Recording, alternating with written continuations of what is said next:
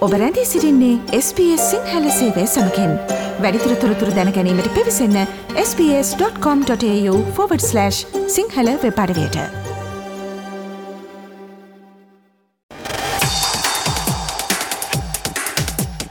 ජයපරාජය මැදින් ගලා යන සබ්දින කෙලිබිලේ උණුසුම.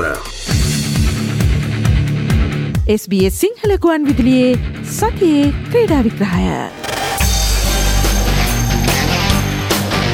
අයිබෝවන් SBS සිංහල සේවේ සතිය ක්‍රඩා විග්‍රහයෙන් අදත් සුපුරුදු පරිදි සිකුරාදාදිනේ සුපුරුදු වේලාවට අපි හමුවෙනවා ශ්‍ර ලංකාවේ වගේම ඔස්ට්‍රලියාවත් ක්‍රඩාපිටියේ උණුසුම් තොරතුරු සමගින් අපි පළමුුවෙන්ම අවධහන යොමු කරන්නේ ඔස්ට්‍රලයානු ක්‍රිකට් කණ්ඩායමේ ශ්‍රී ලංකා තරඟ සංචාරය වෙතයි.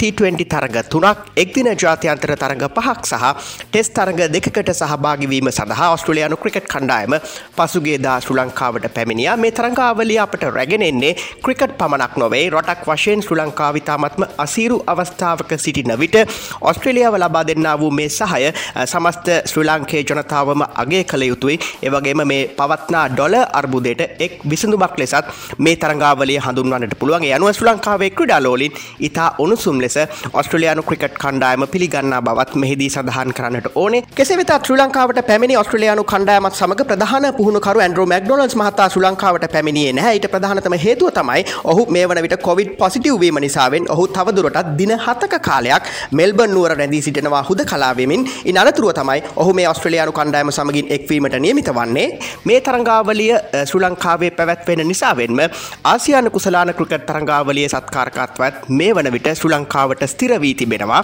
තරංගාවලිය පැවැත්වීමට නියමිතව තිබුණේ අගෝස්තු විසි හත් වනදා සිට සැත්තැම්බර් එකොළොස් වනදා දක්වයි. නමුත් මේ දිනවකවානුවල යම් වෙනසක් සිදුවිය හැකි බව තමයි මේ වන විට වාර්තා වන්නේ පාකිස්තානු ක්‍රිකට් පාලක මණ්ඩලේ ඉල්ලීමක් මත. ඒ අනුව ශ්‍රී ලංකාවේදී පැවැත්වීමට නියමිත LPL තරඟාවලිය නිමාවට පත්වීමෙන් පසුව බොහෝ විට ආසියානු කුසලාන T20 තරඟාවලිය ශ්‍රී ලංකාවේදී පැවැත්වෙන බව තමයි මේ වන විට වාර්තා වන්නේ. ඒ අනුව ශ්‍රී ලංකාවට පැමිණියේ පළමුවෙන්ම ඔස්ට්‍රේලියානු T20 කණ්ඩායමයි. අනුව T20 තරඟාවලිය තරග තුනකින් සම්බන්ධිතයි. පළමු තරගයේ ජූනි 7 වනදා ආර් ප්‍රේමදාස ක්‍රීඩාංගණයේදී පැවැත්වෙනවා.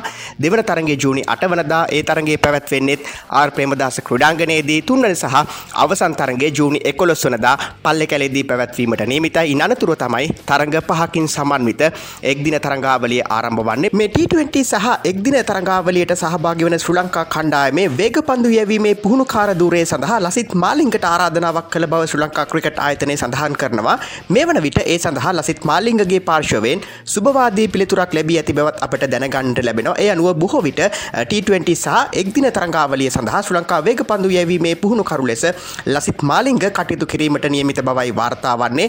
මේ අතර T20 තරඟාවලියට සහභාගී වෙන ශ්‍රී ලංකා කණ්ඩායමත් දසුන් ශානකගේ නායකත්වයෙන් යුතු T20 කණ්ඩායමත් මේ වන විට නම් කර තිබෙනවා. මේ තරඟාවලිය සම්බන්ධයෙන් ඔස්ට්‍රේලියානු ක්‍රිකට් කණ්ඩායමට ආරක්ෂාව පිළිබඳව කිසිදු ගැටලුවක් ශ්‍රී ලංකාව තුළ නැති බවත් මේ වන විට සඳහන් කරන්නට ඕනේ. වගේම කොවිඩ් තත්වේ කිසිදු අර්බුදයක් නොමැති නිසාවෙන් බයෝ බබල් කන්සෙප් එකෙන් තොරවයි මේ තරංගාවලිය පැවැත්වෙන්නේ. අනුව ශ්‍රී ලංකා ක්‍රිකට් ආයතනය ඉල්ලිමක් කරනවා. ඔස්ට්‍රේලයානු ක්‍රිකට් කණ්ඩායමේ පවුලේ සාමාජිකීන වගේ ඔස්ට්‍රේලයානු ක්‍රඩාලෝලින්ටත් මේ තරංගාවලේ නැරබීම සඳහා ශ්‍රී ලංකාවට එන්න කියලා. ඒ ශ්‍රී ලංකාවට සෑමතින්ම වැදගත් වනවට කිසිදු සැකයක් නෑ. මේ අතරතුර අපට දැනගන්නට ලැබෙනවා ශ්‍රී ලංකාවේ මේ වත්මන් ඩොල අර්බුදයට විසඳුමක් ලෙස ඉන්දියාව සහ ශ්‍රී ලංකාව අතර T20 තරඟ දෙකක් පැවැත්වීමට දෙරටම එකඟ වී තිබෙන බව බොහෝ විට ආසියානු කුසලාන තරංගාවලියට පෙර හෝ තරංගාවලියෙන් පසුව මේ තරඟ දෙක පැවැත්වීමට ඉඩ තිබෙනවා මේ තරඟ දෙක පැවැත්වුව හොත් ශ්‍ර ලංකාවට අවම වශයෙන්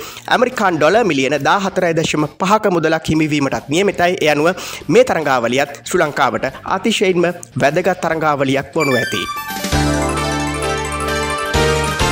අපි මීළඟට අවධානය යොමු කරන්නේ ශ්‍රී ලංකා ක්‍රිකට් කණ්ඩායමේ නිමාවට පත් වූ බංග්ලාදේශ තරඟාවලිය වෙතයි. එහිදී දෙවන ටෙස්ට් ක්‍රිකට් තරගයේ කඩලු 10කින් ජයග්‍රහණය කරන්නට ශ්‍රී ලංකාව සමත් වුණා. බංග්ලාදේශය ප්‍රථම ඉනිමට ලකුණු 365ක් ලබා ගනිද්දී ශ්‍රී ලංකාව ලකුණු 506ක් ලබා ගත්තා.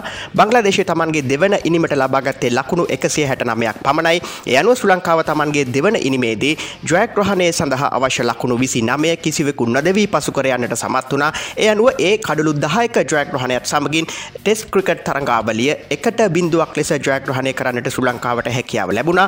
මේ සමගින් ICC ටෙස් ක්‍රිකට් ශුරතාවලියේ ශ්‍ර ලංකාව ප්‍රසාද ලකුණු සටහනේ රැඳී සිටින්නේ හතරවන ස්ථානයේ ප්‍රසාද ලකුණු හතලියකට ශ්‍ර ලංකාව හිමිකම් කියනවා. තරංගාවලිය වීරයා සම්මානය හිමිකර ගන්නට ඇන්ජුල මැතිව සමත් වුණා. ශතක දෙකක් වාර්තා කලා තරඟ දෙක තුළදී ඉනිම තුනකදී ලකුණු තුන්සිය හතලි සතරක් ලබාගත්තා වගේම අසිත ප්‍රනාන්දු තරගේ වීරය සම්මානය හිමි කරගත්තා. කඩුළු දහයක් සමගින් කසුන් රාජිතත් තරගේ පුරාවට කඩුළු හතක් බිඳහෙලීමට සමත් වන ශ්‍ර ලංකාව මීළඟට සහභාගි වන්නේ ඔස්ට්‍රලියාව සමගින් ටෙස්කෘක තරඟ දෙකක් සඳහයි. එම තරඟ දෙකම ජයපරාජයෙන් තොරව නිමාවට පත් කරන්නට සුලංකාවට හැකියාව ලැබුණොත් ප්‍රසාද ලකුණු හතලිස් අටකට හිමිකම් කියනවා. ඒවගේම එක්තරගයක් ජයගෙන එක්තරගයක් පරාජයට පත් වුණොත් ප්‍රසාද දකුණු පනස් දෙකක් හිමිකම් කියනවා. යම් ආකාරකින් තරග දෙකම ජයගත්තොත් ශ්‍ර ලංකාව ප්‍රසාද ලකුණු හැට හතරකට හිමිකම් කියනවා. කෙසේ වෙතත් ඉන් අනතුරුව පැවැත්වෙන්නේ තවත් තරංගාවලි දෙකක් පමණයි. ශ්‍ර ලංකාවට හැකියාවක් ලැබෙන්නේ නැහැ. මෙවර ICC ටෙස්ට්කට චුරතාවලියේ කිසිදු ආකාරකින් පළමුස්ථාන දෙක අතරට පිවිසෙන්න්නට එය අනුව ඉතාමත්ම හොඳ අවස්ථාවක් උදාවී තිබෙනවා මේ එලබෙන ඔස්ට්‍රලියන් තරංගාවලයේදී යම් ජයග්‍රහණයක් වාර්තා කළ හොත් ශ්‍ර ලංකාවට මේ ප්‍රසාද ලකුණු සටහනේ ප්‍රථම ස්ථාන හතර අතරට එක්වීමෙන් මේ මෙවර දෙදහස් විසි දෙක තරංගාවලිය නිමාවට පත් කරන්නට. SBS සිංහල සේවේ සතිය ක්‍රඩා විග්‍රහයෙන් අපි මීළඟට අවධාන යොමු කරන්නේ ඔස්ට්‍රලයානු ක්‍රඩා පිටිය වෙතයි. ක්‍රිකට ඔස්ට්‍රලයා ආයතනය පසුගේදා නිවේදනයක් නිකුත් කරමින් තමන්ගේ කාන්තා ක්‍රිකට් කණ්ඩායමට වගේම පිරිමි ක්‍රිකට් කණ්ඩායමට එලබෙන තරංගවාලේ ඇති තරංගාවලි කිහිපයක් පිළිබඳව නිවේදනයක් නිකුත් කර තිබෙනවා. ඒ අනුව එංගලන්ත ක්‍රිකට් කණ්ඩායම ඔස්ට්‍රේලියාවේ තරග සංචාරයකට එක්වීමට නියමිතව තිබෙනවා. ඔක්තෝබර් දහසේ වන දා සිට නොවම්බර් දහතුන් වනදා දක්වා T20 ලෝක කුසලාන ක්‍රිකට් තරංගාවලි ඔස්ට්‍රලියාවේදී පැවැත්වෙනවා. ඊට පෙර එංගලන්තේ සමගින් මේ T20 තරග තුන පැවැත්වීමට නියමිතයි ඔක්තෝබර් 9 12 සහ 14 යන දිනවලදී බ්‍රිස්බේන් සහ කැන්බරාහිදී මේ T20 තරග තුන පැවැත්වීමට නියමිතයි. ඉන් අනතුරුව ලෝක කුසලාන ක්‍රිකට් තරඟාවලියෙන් පසුව පැවැත්වෙනවා එංගලන්තය සහ ඔස්ට්‍රේලියාව අතර එක්දින තරග තුනකින් සමන්විත තරඟාවලියක් නොවැම්බර් 17 19 සහ 22 යන දිනවලදී මේ වගේම එළබෙන ජූලි මාසයේදී ඔස්ට්‍රේලියානු කාන්තා ක්‍රිකට් කණ්ඩායම තුන්කොන් තරඟාවලියක් සඳහා අයර්ලන්තේ තරඟාව තරංගාවලියකට එකතු වෙනවා. ඔස්ට්‍රලියාව පාකිස්ථානය සහ අයර්ලන්තේ තමයි මේ තරංගාවලියට එකතු වන්නේ. ජූලි දහසේ විනිදා සිට විසිතුන් වනදා දක්වා මේ තරංගාවලිය පැවැත්වීමට නියමිතයි. මේ තරංගාවලිය පැවැත්වෙන්නේ පොදුරාජ්‍ය මණ්ඩලීය ක්‍රිකට් තරංගාවලියට පෙරයි. එම තරංගාවලිය ජූලි විසි නමවනදා සිට අගෝස්තු හත්වනදා දක්වා එංගලන්තේ බර්මිංහැම් නුවරදී පැවැත්වීමට නියමිතයි. SBS සිංහල සේවේ සතිය ක්‍රඩා විග්‍රහයින් අපි මීළඟට අවධානයමු කරන්නේ ඔස්ට්‍රලයානු ක්‍රිකට් කණ්ඩායමේ හිටපු ප්‍රධාන පුහුණුකරු ජස්ටින් ලැඟ පසුගේදා මාධ්‍යයට සිදු කළ ප්‍රකාශයක් පිළිබඳවයි.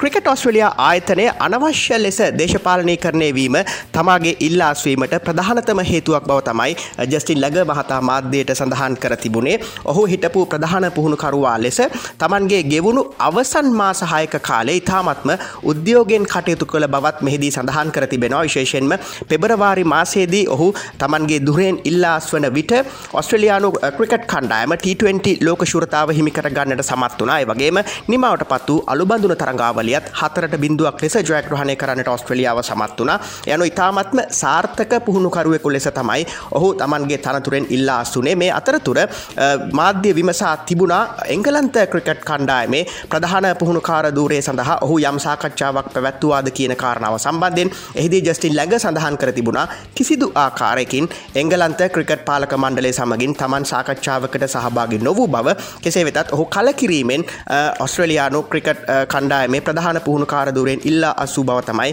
මෙහිදී සඳහන් කර තිබෙන්නේ කෙසේ වෙතත් නව ප්‍රධාන පුහුණුකරුවෙකු පත් කර තිබෙනවා ඇන්ඩරු මැක්ඩොනල්ස් මහතා ඔහුගේ ප්‍රධාන පුහුණුකාරදූරය යටතේ ඔස්ට්‍රලයානු ක්‍රිකට් කණ්ඩායම මේ වන විට ශ්‍ර ලංකාවේ තරග සංචාරයකට එක් වී තිබෙනවා. ඒ සමගින් SBS සිංහල සේවේ සතිය ක්‍රඩා විග්‍රහයෙන් අදට අපි සමුගන්නවා හමුවමු ලබන සිකුරාදත් සුපුරුදු වේලාවට එතෙක් ප්‍රාර්ථනා කරනවා ට්‍රැග්‍රාහි සතියා. ජයපරාජය මැදින් ගලා යන සබ්දින කෙලිබිලේ උණුසුම. SBS සිංහලකුවන් විදිලියේ සතියේ ක්‍රීඩා විග්‍රහය.